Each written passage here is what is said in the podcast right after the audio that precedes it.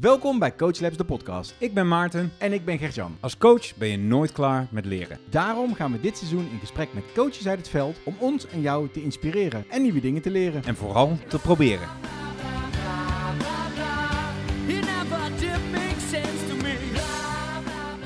Welkom bij een nieuwe aflevering van Coach Labs, de podcast. Ja, is weer eventjes geleden, Gert-Jan. Eh, Zeker eventjes geleden, ja. Ja, ja. Wij zien elkaar ook minder de laatste tijd natuurlijk. Ja, dat klopt. Eh, De, de Covid, vakanties, eh, verandering van werkomgeving, opdrachtgeverschap, werkgeverschap. Ja, er gebeurt een hoop. Ja, precies. Eerst zaten we bij hetzelfde bedrijf en ook nog deels op dezelfde opdracht. Ja, Waarin we gewoon alle communicatiekanalen die je had, kon je elkaar berichtjes sturen. En nu moeten we gewoon echt initiatief en plannen. En hoe doe je dat? Nou, daar zijn we niet zo goed in. helemaal waar. En we hadden natuurlijk de vorige aflevering met eh, Mariette Alblas, eh, hadden we het natuurlijk al kort even besproken. We zijn inmiddels weer wat eh, maandjes verder. Maar we zijn weer bij een nieuwe aflevering van Coach Lab, de podcast. Ja, en we zitten niet alleen. Want Nee. vandaag hebben we te gast.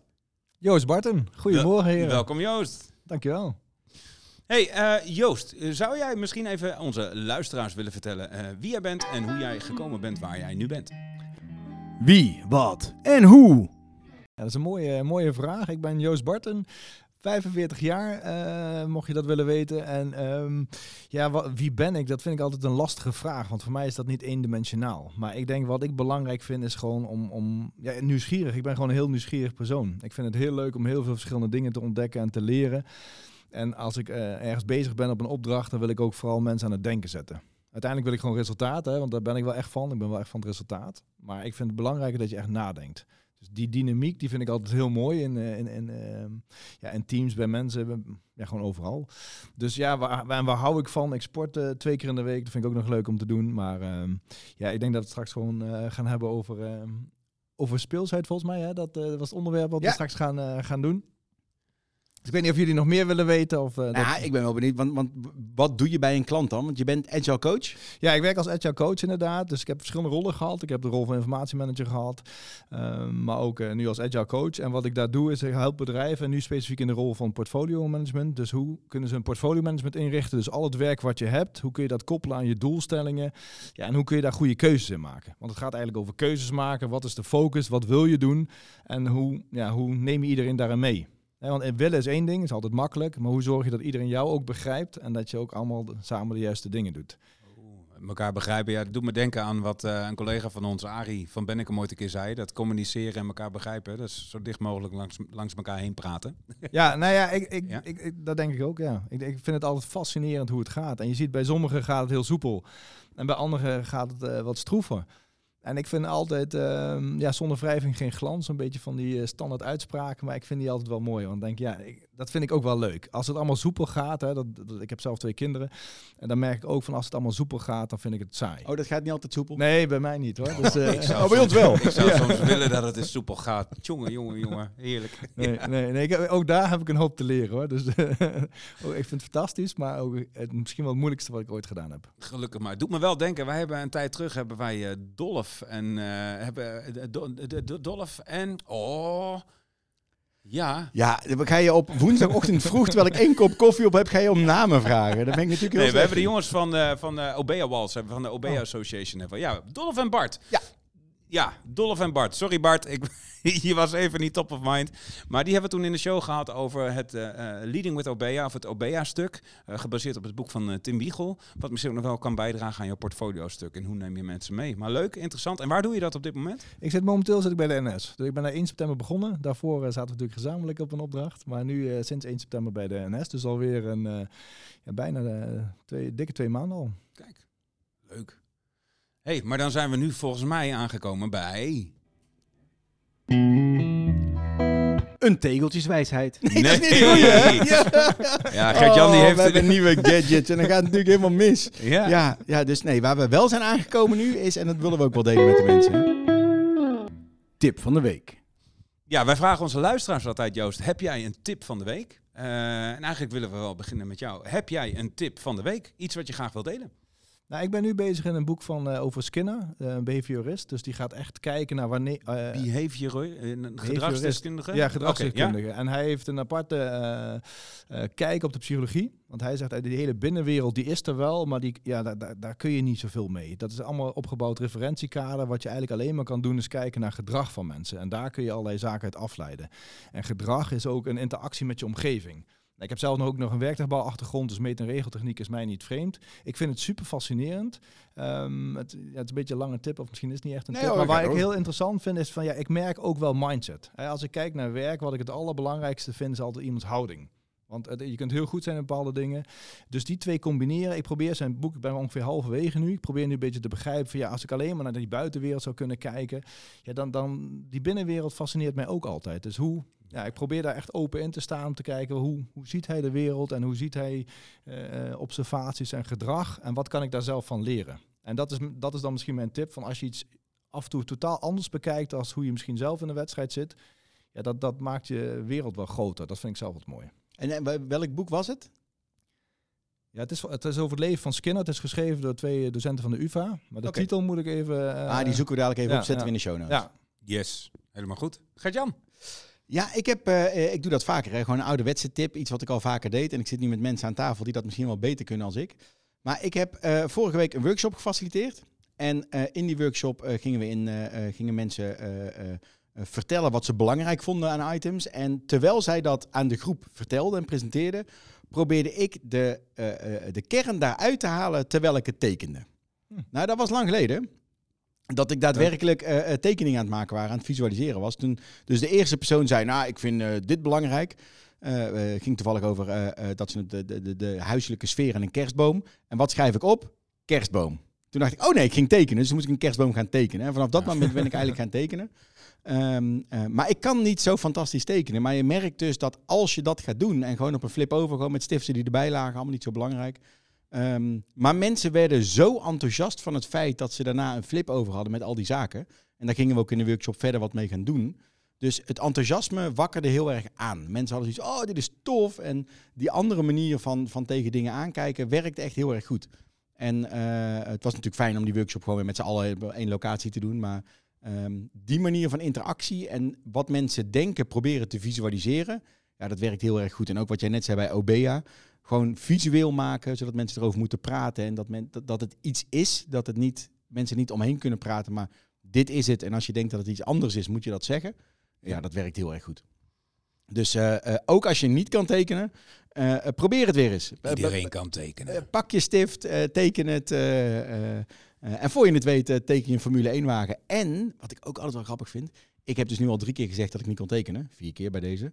Eh, en iedereen in die workshop keek naar de dingen en zei, wow, maar jij kan echt goed tekenen. Dus eh, eh, als je begint met tekenen, denkt iedereen, wow, je kan goed tekenen. Ja, ik heb daar een hele mooie workshop over gehad ook. En iemand maakt ook mooi dat onderscheid van je hebt de kunstenaar, je hebt de visual, de designer en je hebt gewoon de visueel facilitator. En dat is natuurlijk wat je aan het doen bent en dat kan iedereen. En dat is denk ik ook wel een beetje mooi om te zien. Hè, wat je al zegt van ja, ik kan het niet. Nee, dat, dat leren kinderen op school ook altijd al. Ik kan het nog niet. Hè, je kunt het leren. En überhaupt het gewoon doen, dat geeft wel die conversatie weer. Hè. We hadden net over elkaar begrijpen, maar dat vind ik het hele mooie van het visueel maken. Je krijgt gelijk een mooie discussie. Maar Ja. goed, ik, eh, Maar ja, dan kom je ook op het punt. Wat betekent niet kunnen? Het feit dat jij een plaatje op papier zet en anderen hem snappen, dan is volgens mij het doel gehaald. Kortom, Ja. je kunt tekenen. Ja. Dat je het niet mooi vindt, ja, oké, dat is twee. Het is hetzelfde als jezelf terug horen op een podcast en je eigen stem horen. Dan denk je ook niet, oh, wat klinkt dit mooi. Nee, het is vooral ook een stukje zelfacceptatie hoor. Nee, ja, besef je, het zijn twee tips eigenlijk. Enerzijds, als je eh, het leuk vindt, ga het gewoon doen. Of als je denkt dat je dat dan hebt, ga het gewoon doen. Maar anderzijds, doordat je het eh, tekenen en visualiseerde, was het een half uur later nog leuk voor mensen om het te gebruiken. En het hing aan de muur en mensen pakten erop Ja. terug. En mensen pakten er voorbeelden uit. hey, want jij vond dit. En dan wezen ze naar de tekening. Dus het zorgde heel erg voor interactie. Dus eh, Ja. eh, ja, was leuk. Absoluut. Mooi. Wat is jouw tip, Maarten? Ja, nou ja, zoals je, eh, sommigen willen weten, ben ik een vervent boekenluisteraar. Ehm, ehm, en en, en nou, wij als coaches weten ook dat buiten je comfortzone is de plek waar je groeit. Boek wat ik nu gelezen heb, en ehm, het is ook elke, elke dag weer een strijd opnieuw, is de Wim Hof methode. Oh. Die heb ik nu uit. Ja, ik ben sinds augustus, toen was het natuurlijk hartstikke warm. Ik denk, nou, ik wil wel koud douchen. En toen was het echt een verademing om 's ochtends gewoon lekker fris wakker te worden. Nou, we gaan nu weer, daar raken we s'nachts het vriespunt weer eens aan. En ik moet zeggen dat het, het, het is echt wel weer een opgave iedere ochtend. En dan denk ik bij mezelf, waarom doe ik dit ook eigenlijk?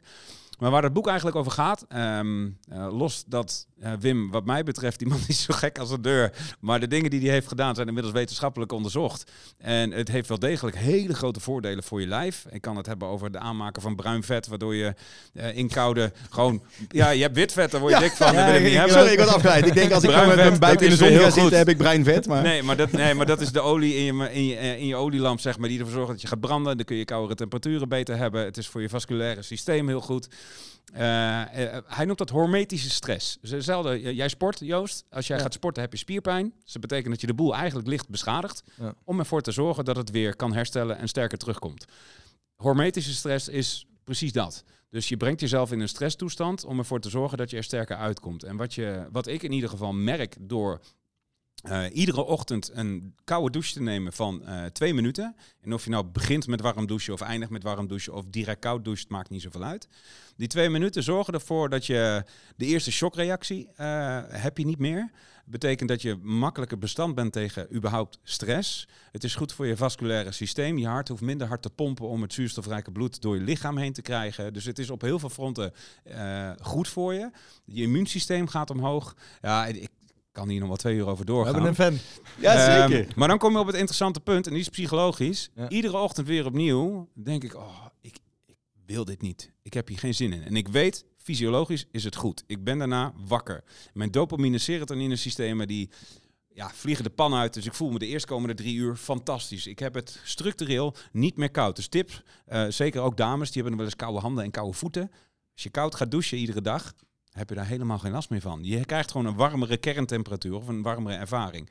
En omdat ik weet dat het goed voor me is en het goed voor mijn vasculaire systeem is, het beter is voor mijn stressmechanisme, waardoor ik ook de kalmte kan bewaren in stressvolle situaties. Ja, is het enige stukje waar ik ochtends iedere keer doorheen moet. Mijn eigen ego, die zegt, ik wil dit niet. Maar wordt het niet minder? Merk je niet dat het makkelijker wordt? Ja, ik merk dat het niet makkelijker wordt. Oh, want ik, ik Klopt. merk altijd als je weer iets nieuws gaat doen in de ochtend, ik heb ook allemaal ochtendrituelen, dat Ja. het op een gegeven moment wel makkelijker wordt. Nou ja, het, het, het- misschien zit het in mijn kopje hoor, maar en ik weet, en het is eh, in het begin eh, had je natuurlijk die reactie, Ja. eh, en dat is ook waar die ademhalingsoefeningen op gebaseerd Ja. zijn. Die heb ik al lang niet meer. En in Ja, plaats van na een minuut dat ik denk, oh, ik wil dit niet, dan denk ik nu na 30 seconden, ach, het is best wel oké. Maar toch blijft continu die psychologische strijd 's ochtends, die blijft. Mooi. Maar dat helpt mij ook wel weer om, als ik in een stressvolle situatie ben, niet direct op mijn gevoel te ageren, maar gewoon even de rust te nemen, een keertje adem te halen en op een hele relaxte manier eigenlijk een stressvolle situatie in te gaan. Mooi. Ja, dus een dikke tip voor iedereen die. eh, ik geef hem ook cadeau aan mensen die worstelen met hun gezondheid. Want sinds ik dat doe, ben ik niet meer ziek of verkouden geweest. En mijn hele gezin is dat al drie keer geweest. En of dat nou daardoor komt, dat weet ik niet. Eh, maar ik houd vast. Ja, ik heb één keer in, in Oostenrijk zo'n, eh, eh, in een rivier gaan zitten die twee graden was. Dat was jouw leiderschapsreis, Ja, volgens mij, of precies. niet? Ja. Eh, eh, ik, ik was wel verbaasd over eh, wat dat met mijn ademhaling deed.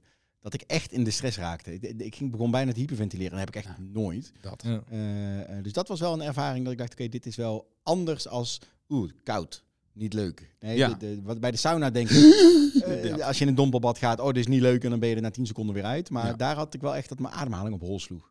Nou ja, Ehm, Eh, ik, ik had dus nu tegenwoordig met sauna's, dat dompelbad, dat, is ging ik dat. altijd vandaan. Dat wilde ik nooit. Sinds ik dat boek gelezen heb, oh, ik blijf er gewoon 10 minuten in zitten, joh. Heerlijk. ja. Ja. Dat is ook wel weer overdreven, maar vooruit. Ja, Ja. het man van extreme, hè, je weet Ja. het. Ja, maar ik denk dat het wel goed is. Want dat, ik denk dat dat, en wat je net zegt, wat, wat mij altijd aan doet denken, is ook gewoon, je moet niet in je comfortzone blijven. En dat zie je bij teams, dat zie je bij individuen. Dat het goed is om af en toe even die, die spanning te krijgen. Wat voor manier dan ook. Want dat houdt je scherp en dat houdt het ook leuk en dat houdt het, ja, speels.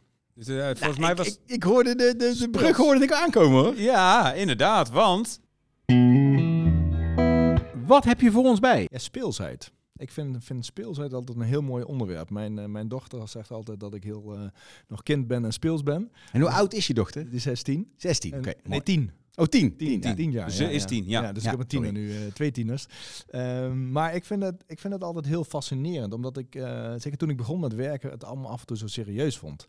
En ik vind werken heel leuk en ook heel fascinerend, maar ik, ik mis af en toe gewoon die gezelligheid. En ik denk dat dat toch wel iets is wat heel belangrijk is. Dus niet alleen maar eh, gezellig van nou we hebben een kopje thee, dat kan op heel veel manieren, maar gewoon dat het allemaal niet zo serieus nemen. En ik neem mijn werk heel serieus. Dat, is, natuurlijk- dat is misschien ook dan wel weer het dilemma. Maar speelsheid, ik denk dat je meer voor elkaar krijgt als je eh, op een speelse manier met dingen omgaat. Dan, ik denk dat je problemen ook anders benadert. Ja, en eh, de, de, ehm, eh, volgens mij waren... Ik heb met een aantal mensen, een aantal coaches ook wel een aantal discussies gehad over speelsheid. Wat is speelsheid dan voor jou? Dat is, ja, dat is een. Ik moet even goed over nadenken hoor. Dus ik praat terwijl ik denk. Dat is bij mij af en toe een, eh, een valkuil. Maar ik denk, speelsheid gaat voor mij over hoe je de wereld benadert. En hoe jij inderdaad kansen ziet. En dat je naar je omgeving kijkt als, als één grote eh, snoepwinkel. Hè, persoonlijk zie ik de wereld ook als één grote snoepwinkel. Er zijn heel veel mooie dingen. En we hebben geluk, ik denk alle drie, dat we hele mooie dingen mogen doen. Ook gewoon met ons werk. Maar ook eh, privé zijn we volgens mij allemaal gezegend.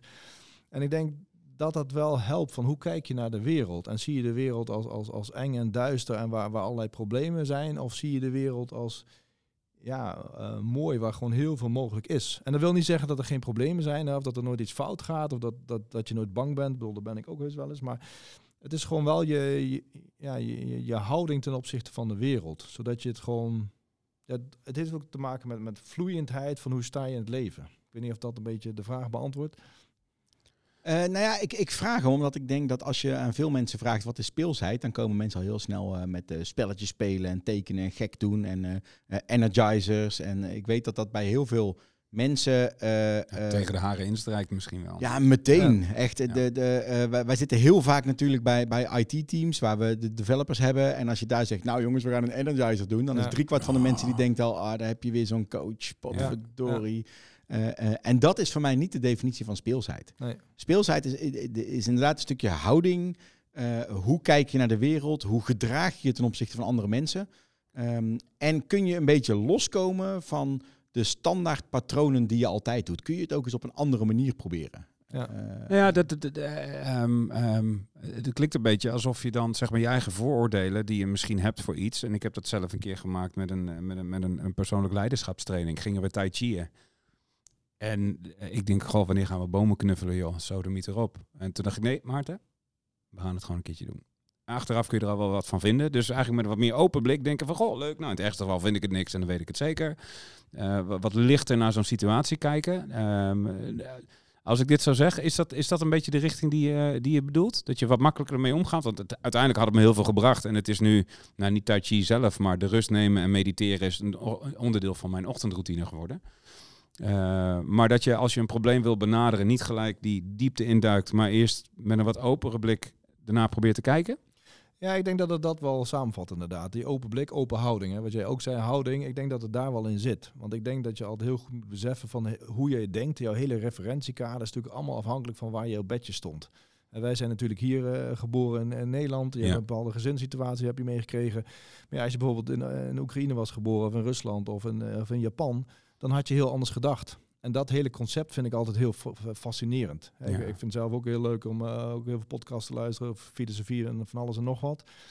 Maar ik denk inderdaad de manier waarop wij naar de wereld kijken en ook eh, met onze mentale eh, ja, eh, beeld wat we erbij hebben, ja, ik vind dat heel fascinerend. En dat is ook een beetje wat je net zei over langs elkaar heen praten. Ja. Want dat denk ik ook. We hebben echt allemaal ons eigen referentiekader. Van, je hebt het over soms hetzelfde woord, maar wat bedoelen we ermee? De betekenis die wij er aangeven, die is echt verschillend afhankelijk van ja, waar je vandaan komt. Ja, ik wil graag dat je je netjes gedraagt. Ja, wat is netjes inderdaad. En daar Ja. heb ik ook altijd wel eh, ja, moeite mee gehad. Van wat is normaal, ook als je gaat werken. Hè? In het begin liep ik ook altijd in, eh, in een pak. Stropdas. Ja, wel Ja, altijd stropdas had ik nooit, dat, dat, Ja. dat wilde ik niet. Maar ik, ik, ik- ik had wel altijd sowieso een shirt en een pantalon altijd al aan.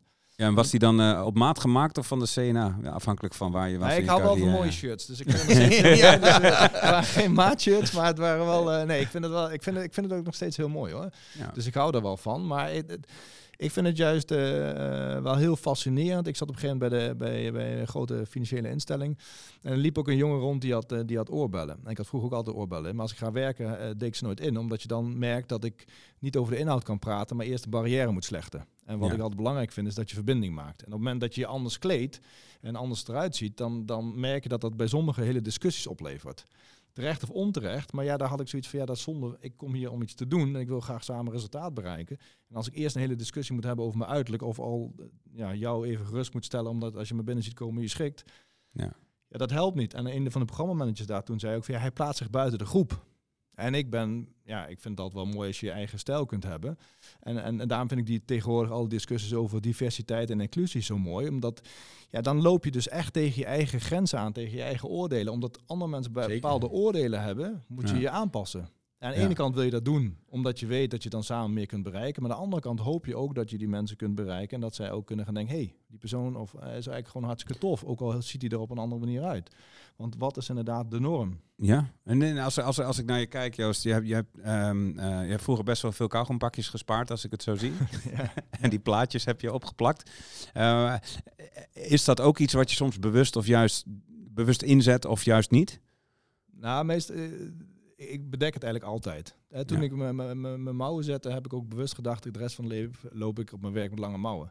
Omdat je gewoon weet dat het heel veel discussies oplevert. En nog steeds loop ik op mijn werk niet snel met korte mouwen. Gewoon vanwege die discussie. Als mensen me langer kennen, dan weten ze het op een gegeven moment wel. Hè. Dus, dus het is ook niet iets waar ik me voor schaam. Ik bedoel, ik vind het hartstikke mooi, anders had ik het ook Ja. niet gedaan. Maar je merkt wel eh, dat je gewoon echt anders bejegend wordt. Als ik een, als ik een, toen ik een auto ging kopen en ik loop eh, de dealer in eh, met korte mouwen, dan krijg ik een hele andere eh, gesprek als ik, dat ik daar binnenkom met een, met een, met een shirt aan. Zeker. Hoe, oh, oh, oh, eh, dat kan ik me heel goed voorstellen. Maar wat ik, ergens vind ik het ook een soort eh, paradox of tegenstelling. Want aan de ene kant lijkt ik je te horen zeggen dat je hè, contact maken, meegaan. Misschien toch wel het een beetje serieus nemen van de omgeving waar je in komt. Aan de andere kant hoor ik je ook zeggen... eh, eh, eh, ook inclusie, een stukje jezelf kunnen zijn, je Ja. eigen beperkingen waar je dan tegenaan. Hoe vind jij daar voor jezelf een balans in als je bij een organisatie binnenkomt? Nou ja, ik denk dat ik die balans wel redelijk heb. Maar dat is ook iets wat je door de loop der jaren heen leert. En we hebben vaak over authenticiteit en authentiek zijn. Ja, ik ben altijd van het gezond boerenverstand. Eh, dat is, betekent voor mij gewoon jezelf zijn. Maar wat is jezelf? Hè? Ik denk dat we allemaal een veranderende kern zijn. Dus dat je, ja, wanneer ben je helemaal klaar of af? Of wanneer ben je jezelf? Dat is alweer een hele podcast waard volgens mij. Maar ik probeer altijd wel te handelen vanuit wat ik zelf belangrijk vind. En dat is ook wel iets wat ik... Ja, dat leer je ook wel in de loop der jaren. Dat je in het begin heb je misschien te veel lopen aanpassen in organisaties. Omdat je, ja, je was zoekende, je begint met werken. Je, Ja. je probeert te kijken hoe zijn hier de mores en ik pas me aan. En op een gegeven moment merk je ook wel van ja, maar ik heb ook een inbreng, ik heb ook iets te vertellen. Dus ik probeer Ja. daar voor mezelf wel in te zijn van ja, ik wil gewoon wel vanuit mijn waarde kunnen werken en wat ik belangrijk vind in een bedrijf en ook de omgang met elkaar. Eh, dat wel. Maar ik hou er wel. Ik vind ook dat je niet alleen maar vanuit jezelf moet denken, maar ook vanuit die ander. Hè. Je doet het samen. Dus ook een, een maatschappij maken we samen. En daar moet voor iedereen ruimte Ja. zijn. En, en, maar dat is het, het, is een, het is een paradox. Daar ben ik met je Ja. eens. En dat maakt het af en toe heel lastig. Van, ja, je wil een ander niet beledigen, maar de ander moet ook leren dat hij niet beledigd moet raken, omdat jij misschien een andere eh, kledingstijl hebt of, Ja. of nou ja, wat dan ook. Ja, maar ik denk ook in de rol die wij vaak hebben, eh, eh, coach, facilitator, eh, eh, op de achtergrond dingen in beweging zetten, mensen eh, activeren, net ander gedrag laten zien. Eh, maakt het, het gaat niet over ons. Ja. Dus de, de, eh, vaak is onze persoonlijkheid dit is niet iets wat je, wat je op het podium wil brengen. Je wil niet uitstralen, kijk eens wie ik ben en wat ik kan, maar Ja. je wil juist in de relatie en in het respect dat je voor de mensen in de organisatie hebt, zet je dingen in beweging. Dus als je een sessie faciliteert, gaat dat niet over mij of gaat dat niet over jullie, maar gaat dat over wat je met die groep wil bereiken. Ja, Ja. ja. Ja, je, bent- je, precies. Hè? Zoals eh, een van mijn collega's, eh, een tijd terug ook, die zei coaching en, en zeker ons vakgebied draait niet om jou zelf, het draait om de ander. Met name de ander. En daar eh, de, de ander voorop zetten. Ja, de reden waarom ik het zeg is, ik heb heel lang en nog steeds momenten in mijn carrière gehad dat ik echt twijfelde met, snap ik wel waar ik mee bezig ben? Waarom lukt het niet zoals ik Ja, dat wil? ja. En ik denk dat daar ook precies de crux zit. Eh, dat je samen gaat kijken naar waar wil degene waar je mee aan het werk bent uitkomen. En hoe kun jij daarbij helpen om hem te krijgen of haar te krijgen daar eh, waar die heen wil. Dus als jij als coach druk bezig bent met jezelf en jouw punt maken, ja, dan stap je. We hebben het een keer eh, ook besproken, mogelijk ook de drama driehoek in. Ja. Dan ben je dus gefocust op jezelf en je eigen resultaten. En dus niet met de ander en iets waar je gezamenlijk naartoe wil groeien. Hey, ik heb nog wel een andere vraag. Heb jij, o- ook voor mij om het om een beetje concreet te maken, een voorbeeld waarin juist jouw speelsigheid eh ertoe geleid heeft dat je zegt van kijk, en dit is waarom ik het graag inzet. Kun jij een voorbeeld noemen waarin je het wat concreet kan maken in hoe speelsigheid jou geholpen heeft? Ja, dan moet ik even goed, eh, goed nadenken. Maar eh, ja, dit is een proces waar je langzaam doorheen gaat. Ik denk dat het op een gegeven moment was toen ik voor een groot ingenieursbureau werkte. En dat ik, eh, daarvoor trouwens denk ik ook wel, maar dat op een gegeven moment mensen tegen mij zei, als ik voor een, voor een eh, whiteboard stond of oh, ik was aan het vertellen, dat ik dan heel energiek was. En dat, dat, dat, dat, echt een soort eh, positive vibe in de, in de kamer zat. Daarvoor zat ik heel veel in eh, eh, business operations en reporting en allemaal dat soort dingen.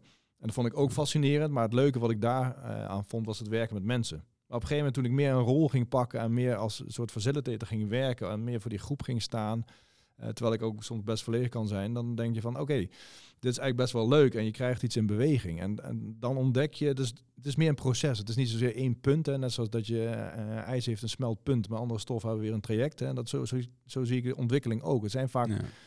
ja, we, hè, we hebben vaak defining moments, hè, dat moeten we vaak eh, benoemen of te gebruiken wel eens in workshops. Aan de ene kant vind ik dat heel leuk, maar aan de andere kant denk ik ook altijd, ja, als ik het nou zelf moet doen, ja, wat was dan dat moment? En Ja. ik denk dat er een aantal dingen zijn, maar ik merkte op een gegeven moment ook tegen hem, zei, ja, maar dat, als je dat doet, dat, ja, dan, dan, dan, dan straal je. En, en dan merk je ook aan jezelf dat het eh, vloeiend gaat. Hè? Het hele Ja. concept van flow en, en dingen vanzelf laten gaan, dan, ja, dat, dat, dat merk je dan. Dus ik denk, ja, waar ik meer voor zo'n whiteboard stond en stond te tekenen, hè, want dat is inderdaad ook waar jij net over had, dat visueel maken van zaken, daar ben ik ook heel erg eh, van. Ik ben toen in aanraking gekomen met Lean ook. Dat vond ik echt heel fascinerend. Hè. Ik heb er, ja, vanuit die werktuigbouw zit je sowieso al meer in die, Ja. eh, die, die dingen. Maar dan merkte je van ja, maar het is, het is gewoon heel gaaf wat er eigenlijk allemaal gebeurt. En je ziet gewoon de dynamiek in kamers gewoon veranderen. Hè. Wat jij ook zei, ook, Ja. ook een van die spellen die, we, die ik nog steeds vaak speel is Scrumble. Waarbij Ja. je gewoon echt letterlijk ballen van de ene kant naar de andere kant van de kamer moet doen. En ook als je die met meer managementachtige teams eh, eh, eh, speelt. Ja, ik vind het echt zo leuk om te zien. Waarbij eerst iedereen stijf aan een tafel zit. En je voelt gewoon spanning. En wat dat is, ik weet Ja. het niet. Of het nou visueel is of dat er echt een spanning hangt. Dat, dat, daar laat ik me even niet over uit. Dat weet ik ook niet. Maar gewoon, je ziet het gewoon gebeuren in die kamer. Je ziet gewoon mensen gaan lachen. En dat is ook zoiets. Zodra mensen gaan lachen, zie je gewoon dat, dat dingen soepeler worden. Je ziet letterlijk spanning. Ik vind stress, je noemde het eerder al, vind ik al een heel fascinerend onderwerp. Ja. Ik denk, ik denk eh, vanuit die werktuigbouw, waar heel erg ook met materiaalkunde bezig was en, en, en stress en belastingen op staal en andere objecten, dan breekt het gewoon. Ja. En ik denk dat dat voor ons mensen hetzelfde geldt. Als jij continu onder stress zit, hè, je ziet het al aan iemands houding. Als iemand continu in elkaar gedoken zit of dat iemand gewoon open staat, Ja. je voelt ook ja, voor jezelf het gevoel dat energie door je lijf giert. Ja. En dat is denk ik ook met wat jij deed met dat, met dat, eh, nu met dat koude. Je belast je lijf op zo'n manier zodat het juist groeit. En Ja. Ik denk dat je daar juist heel veel van kan groeien, ook van die stress. Maar als het te veel is en continu en je continu onder spanning zit, ja, dan, dan Ja, we hebben nog wel, en dat is ook nog een onderwerp wat we in een komende podcast gaan bespreken, eh, hoe erg je je lijf signalen af kan geven van wat er in je hoofd gebeurt. ja. Eh, dus die gaat nog wel langskomen. Maar er zijn nog wel twee dingen. een voorbeeld. Nou, we hebben ook een tijd samengewerkt. Ja. Ik denk dat jij ook heel erg bezig bent met leuke kleine eh, eh, dingetjes voor groepen. Dus eh, we hebben samen bij ASML gezeten. Ja. Grote partij. En daar ben je ook op een gegeven moment. We zaten echt in de, de, de core IT-infrastructuur, die hoeken. En op een gegeven moment zei jij, we moeten er meer een groep van gaan maken. Ze moeten iets uitstralen, ze moeten wat doen. ja. En dan ga jij nadenken over logo's, stickers, balletjes, boekjes. Eh, eh, en daarvan heb je een hoop mensen, waaronder ik, die dan eerst aan zeggen, ja, is wel leuk, maar... Maar je zet het wel door en je zorgt er wel voor dat mensen ermee bezig zijn. En nog steeds lopen al die mensen met die stickers op hun laptop, met die boekjes in de sessies. Dus je merkt dat, dat, dat, dat, dat, dat heel erg bijdraagt aan het proces waar die mensen doorheen gaan. Maar en ik, ik ik denk ook, als ik daarop mag aanhaken, dat, dat ehm, wat jij ook zegt, Gert-Jan, we gaan een energizer doen. Ja, als je het gaat aankondigen, kom, we gaan een spelletje doen met ballen. Dat, dan raak je mensen kwijt. Mensen zeggen, oké jongens, jullie gaan daar staan, we gaan even wat doen. En het gewoon niet aankondigt. Ik heb laatst, een, er valt een kwartje op dit moment, vind ik leuk. Dus ik denk, eh, speelsigheid, als- zoals ik hem voor jou zou, eh, van jou zou mogen interpreteren, is het durven af te wijken van de gebaande paden. Om eh, ja, daar lekker in te experimenteren. Ook niet bang zijn om fouten te maken. Ik had laatst had ik een sessie met een aantal product owners. En zonder het aan te kondigen heb ik van die fotokaarten, associatiekaarten op de grond Oh, gelegd. ja, ja. Eh, om eh, de, zeggen, Maarten, wat is dat? Ja, dat is voor een oefeningetje straks. Eh eh, hoef je nu even niet over na te denken. Mag we even naar de plaatjes kijken? En kijk maar wel vast welk plaatje jou het meeste aanstaat. Maar ik ga er straks een vraag over stellen. ja. En die hebben we gewoon een uur laten liggen. En daarna heb ik gezegd, oké jongens, ga maar staan. Iedereen pakt één, twee of misschien drie plaatjes die op dit moment voor jouw gevoel op jou van toepassing zijn. En ik ben benieuwd naar je uitleg waarom dat zo is. We hebben vervolgens anderhalf uur staan bakkeleien over van alles. Over leven, over geluk, over waarin je werk tegenaan op hulp die je eigenlijk nodig hebt van je collega's. Waar je, nou ja... de- Ja. de- het het durven afwijken. Van, en dan, ik zit nu bij een overheidsorganisatie die boeven vangt. Waarin alles volgens g- gestandaardiseerde procedures, processen, autorisaties en lagen gaat. Als je dan ook bij hun afwijkt van de normale gang van zaken. Dus je begint niet eerst met de notulen doornemen en het rondje om de notulen weer te maken. Maar je doet er zoiets tussendoor. Merken dat het zo gigantisch veel energie losweekt bij de mensen. Ja, maar ik denk dat het zit omdat je, ik denk altijd dat je dingen spannend moet houden. Ja, ik, ik denk dat je of je nou in je in je- Spannend, maar niet eng. Ja, en precies, maar dat je of het nou je relatie is of op je werk of in de individu, zolang je altijd alles Ik hetzelfde heb nu doet. het Spanning idee in dat je een relatie, eng nee, maakt, maar... ja. Nee, nee, nee, maar ik, oh, kijk, ik denk dat het belangrijk is dat wij mensen, wij zijn sociale wezens. Hè? En ik denk dat wij hebben die groepsdynamiek nodig. En Ja. zodra we allemaal in een soort ja, comfortzone komen, dan worden we een beetje gezapig met z'n allen. Je, die, die film Wally, ik weet niet of je die kent. Ja. Dat vind ik ook zo'n mooie film, waar we dan als mensen op een gegeven moment alles helemaal hebben geautomatiseerd. En dan zijn we van die hele dikke mensen die alleen maar lopen te vreten. Ja. Dan denk je, ik denk niet dat dat iets is wat je moet worden. Ik wil even niet een bodyshaming of fatshaming doen, maar het gaat mij om dat ik denk dat je, je moet zorgen dat, dat het spannend blijft. En zodra je altijd die norm volgt, dan, Ja. dan, dan, ja, wordt het, dan mis je die opwinding. En ik denk dat wij mensen hebben opwinding nodig. En sommigen hebben meer prikkels nodig dan anderen. Hè. Ik bedoel, eh, dat, dat, dat, dat zie ik ook. Maar ik denk dat dat wel belangrijk is. En het, het Ja. gaat bij mij niet om het afwijken om het afwijken. Want dan wordt het weer zo'n ding. Dan wordt het een dingetje op zich. Ja, maar ik denk op een gegeven moment hetzelfde als op een gegeven moment alles digitaal is en je gaat weer iets op de muur plakken en fysiek maken, Ja. dan is dat wel leuk. En als iedereen alles altijd fysiek heeft, dan willen we dan weer het andere. Het zijn continu denk ik van die, ja, van die, van die Ja, pendules die heen en weer gaan. Dan, dan wel de link leggen met, met de rol die wij vaak hebben als coach. Ik denk dat het voor ons heel goed is om te kijken als je met een groep of een team of een afdeling bezig bent. Wat hebben deze mensen nodig? ja. Ja, en ik denk dat dat, dat eh eh Oh, niet, speelsigheid, niet wat wil ik als coach doen? Nee, maar ook niet. eh, eh, ehm, eh, een energizer hoeft niet altijd. Nee. Eh, eh, en een energizer kan zijn, hey, de, de, de energie in deze groep is laag. Daar willen we even, willen mensen laten. De, Zo'n Ja. balgame zorgt er ook voor dat ze fysiek bezig zijn. Dus dan gebeurt er ook iets in de groep. Maar het kan ook zijn dat je denkt, hé, hey, maar dit team is pas net bij elkaar. Eh, laten we ze eh, iets doen waarin ze iets over zichzelf vertellen. Ja. Waardoor we die relatie verbeteren. Ja. Dus het kan ook zijn dat je weet, hé, hey, ik zit hier met een groep mensen en er zit echt heel veel spanning op. Oké, we moeten gaan lachen, zodat het even ontspant. Dat soort Nou ja, maar ik, ik hoor daarin ook zeggen, jij zegt eh, de, die comfortzone. Volgens mij was dat Jordan Peterson die zei, de comfortzone is de plek waar je langzaam doodgaat. Want uiteindelijk dan gebeurt er niks. Ik denk Ja. dat het totaal... Tuurlijk is het lekker om af en toe even onder een dekentje de bank op te Tuurlijk. snuggelen... en een of andere Netflix-serie te kijken waarbij je niet hoeft na te denken. Maar doe je dat de hele week, ja, dan vergier je langzaam en word je zo'n persoon uit de film Wally. Ja. Ik denk dat het totaal een beetje in balans moet zijn. Dus jezelf Ja. regel met regel, net zoals Ja. sporten. Rust is een van de belangrijkste onderdelen van sporten. Maar die heb je nodig omdat je jezelf activeert. Dus die balans vinden daarin. Ik denk dat dat, eh, en daar een beetje mee spelen, om terug te komen op het stukje speelsigheid, dat dat eh, iets is wat wij als coaches gewoon nu echt Maar kunnen gaan precies doen. daarbij ook. Bij dat sporten, eh, ik fitness ook. En wij doen een aantal oefeningen iedere week. En daar worden we steeds beter in. Hartstikke Ja. goed, fijn. Ja. Maar we doen iedere week ook op het einde of aan het begin een oefening die we nog nooit gedaan hebben. Ja. En dat zorgt wel voor dat je denkt, hoe kan ik dat? En dat je denkt, ja, ja, dat heeft die trainer nu voor gedaan, maar die is twintig keer zo fit als ik ben. Ehm, maar iedere keer dan denk je, oké, dat heb ik ook gedaan. Oh, dat kan ik ook wel. En zo, zo eh, ehm, sta je steeds meer open en denk je ook steeds meer, ik kan dit. En hij is er gewoon voor aan het zorgen dat wij denken, hé, we zijn fit en we doen dingen. Ja, maar, maar dat is mooi. Hè? En Ja. eh, dat zie ik bijvoorbeeld bij de training eh, die ik doe ook, de boksaktraining. En wat ik altijd fascinerend vind, ik kijk altijd van hoe kan ik iets in mijn werk ook toepassen. hè, Waar ik ook ben, of Ja. een kunstschilder is. Vanmorgen las ik een heel stuk over eh, dat je geen mannen nodig hebt in de kunst, omdat het alleen maar mannen waren. En nu komt een keer een hele andere beweging. Maar ik krijg overal inspiratie. Maar bij die boksaktraining, wat die trainer vaak doet, is laat hij ons rondjes rennen door de zaal. En als hij dan één roept, moet je opdrukken, twee een burpee. Nou ja, zo heb je allemaal Ja. getallen.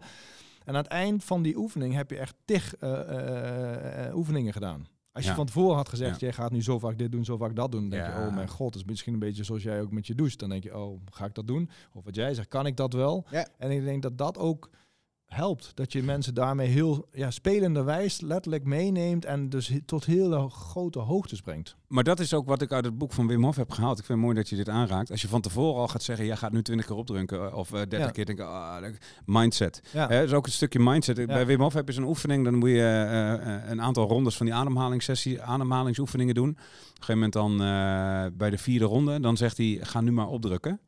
Nou, als ik nu zou opdrukken, dan red ik misschien 20 keer en dan, dan verzuurt de hele bende. Als ik vier van die ademhalingsrondes doe en ik ga erin zitten met een mindset, ik kan dit, dan druk ik er met recht 50 uit. Ja, en dat, maar dat is fascinerend. Hè? Ik vind die mindset, en ik heb op een gegeven moment... Zo op gegeven krachtig. Op een gegeven moment was ik heel erg bezig. Toen werkte ik in de rol als informatiemanager. Toen was ik heel erg bezig ook met kennismanagement. En toen, en toen was ik ook aan het kijken van ja, wat is dan kennis hè? en hoe doen we dat? En toen kwam op een gegeven moment Mathieu Wegman eh, van de Universiteit van eh, Eindhoven, volgens mij. Die had op een gegeven moment ook zo'n soort ja, formule of, of, of, of keten. eh, kennis is, is informatie, maar er- ervaring, skills en attitude. En dan met name die, die, die attitude part, dat vond ik Ja. gewoon heel mooi. Want toen dacht ik, ja, maar daar ligt het aan. Kennis is, is gewoon een optelsom van een aantal dingen. Het is niet alleen die informatie, maar het is ook jouw, jouw referentiekader. Hoe kijk je ernaar? En hoe, wat ik altijd zo fascinerend vind in bedrijven is hoe, hoe we met kennismanagement omgaan. Ik heb ooit een keer een artikel geschreven, Sinterklaas is macht. Omdat ik dacht, van kennismanagement zou meer moeten zijn als feestdagen. Uh, wat toepasselijk nu zo. eh, Ja, nee, Ja, nee, precies, half november, ja. Ja, ja, nee, precies. Maar als je kijkt gewoon hoe wij feestdagen beleven, dat maken we leuk. Hè? Dat is ook wat jij net zei van jij doet allemaal kleine dingen. Want ik geloof letterlijk dat het gaat wat boeit en bindt je als, als club. En ook bij dit soort dingen, kennis, doe je niet door iets op een G-schijf te zetten. Hè, bedoel, maar Sinterklaas, dan hebben we liedjes, we hebben hele eh, optochten, we verzinnen van alles. eh, ook een stukje angst, hè. Tenminste, toen wij vroeger klein waren, kon je nog mee in Spanje. Dat is Ja. ook niet meer. Hè. De- daar zak, zijn we wel in veranderd. Ja. ja, maar wel, ik vind het echt grappig om te zien hoe, hoe, hoe dat veranderd is. Hè? Waar je vroeger nog veel meer vanuit die angst ge- eh, gestuurd werd. Ah. toch meer naar... En, en wat ik vooral grappig vind, eh, ehm, is, nou jouw kinderen, twee tieners. Ik heb sinds vorige week ook twee tieners. Maar die zitten nog steeds, iedere avond om zes uur willen ze dat Sinterklaasjournaal zien. En die vinden dat nog steeds super interessant. Dus blijkbaar is dat een, een, een, eh, eh, iets waarbij zij denken, ja, maar dit hoort er nu bij en dat vinden Ja. we leuk. En eh, eh, ehm, dat soort dingen, dat geldt ook in het werk. Als je Ja. zorgt dat mensen mee willen doen en het leuk vinden en eh, erbij aan willen haken, dan trigger je mensen. Eigenlijk activeer je dan mensen om, om wat te doen.